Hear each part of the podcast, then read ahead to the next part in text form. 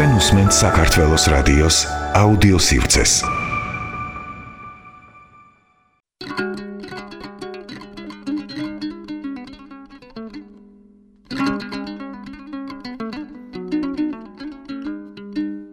მოგესალმებით, მე დათო ვარ ცინცაძე და წარმოგიდგენთ პოდკასტის ერთ-ერთ თემას, დღევანდელ თემას, ეს გახლავთ სიტყვა ფოლკლორი.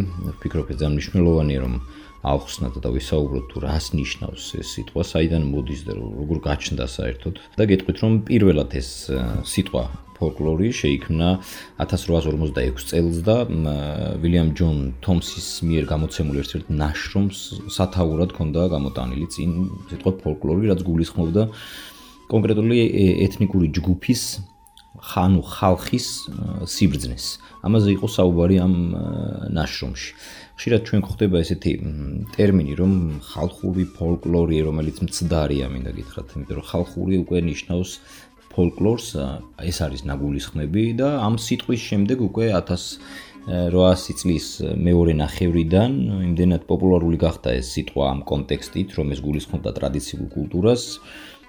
კონკრეტული ეროვნების წარმომადგენლებისთვის ამდენად სიტყვა ფოლკლორი განვრცელდა ისე, რომ ფოლკლორისტიკაც შეიქმნა, ანუ ერთი ერთ-ერთი ესეთი პროფესია, რომელიც სწავლობს სხვადასხვა ეთნიკური ხალხის კულტურას.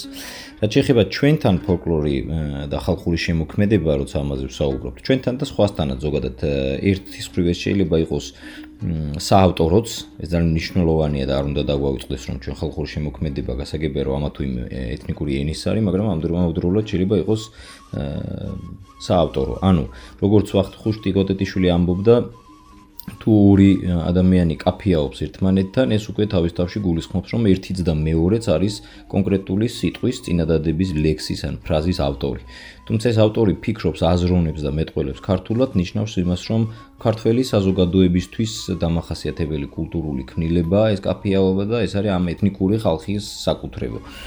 ამდენად თუკი ხალხურია შემოქმედებითი ნიმუში, ეს ერთის მხრივ უნდა გულისხმობდეს იმას, რომ ყავდეს ავტორი ან დაკარგული იყოს მისი ავტორი, თუმცა აუცილებელი პირობაა რომ იყოს საკმაოდ პოპულარული, კონდეს ვარიანტულობა და მარტივად იკითხებოდეს ამა თუ იმ ხალხის რაობა და ვინაობა, რომ ვნახავთ ნიმუშს, იქნება სიმღერა, ქორეოგრაფიაზე, პირსიტყვიერება, რეწვა თუ ასე შემდეგ, უნდა იცნობოდეს რომ ეს ამა თუ იმ ხალხის ხელწერაა.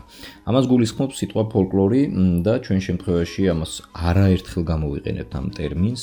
და ერთის მხრივ ყოველთვის მინდა ხაზგასმით თქვა რომ ხშირად საეკლესიო მუსიკას ან საეკლესიო კულტურას, რომელიც კონკრეტულ ერთან არის დაკავშირებული ან ეთნიკურ საზოგადოებასთან, ამ შემთხვევაშიც კი შეიძლება ითქვას, რომ ეს საეკლესიო შემოქმედება არის ამ ხალხის, ანუ არის ხალხური ერთის ხრივ, ანუ ესეც დასაშვებია, თუმცა ნაკლებად ხმარობენ, ვინაიდან საეკლესიო კულტურა ძირითადად პროფესიულზე, პროფესიულ შემოქმედებაზეა აგებული.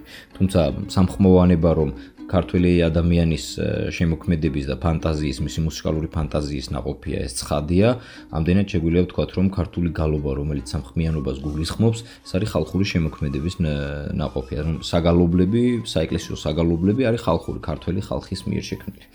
ასე რომ ეს მინდოდა სულ მეთქვა დღევანდელ პოდკასტში და გეტყვით რომ სიტყვა ფოლკლორი და ხალხური კიდევ ერთხელ განმარტავა ერთად არ იხმარება ამ შემთხვევაში. ფოლკლორი ანუ ხალხის სიბრძნე.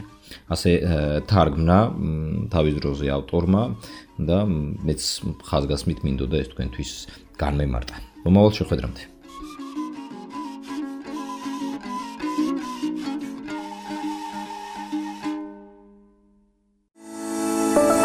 საქართველოს რადიოს აუდიო სივრცე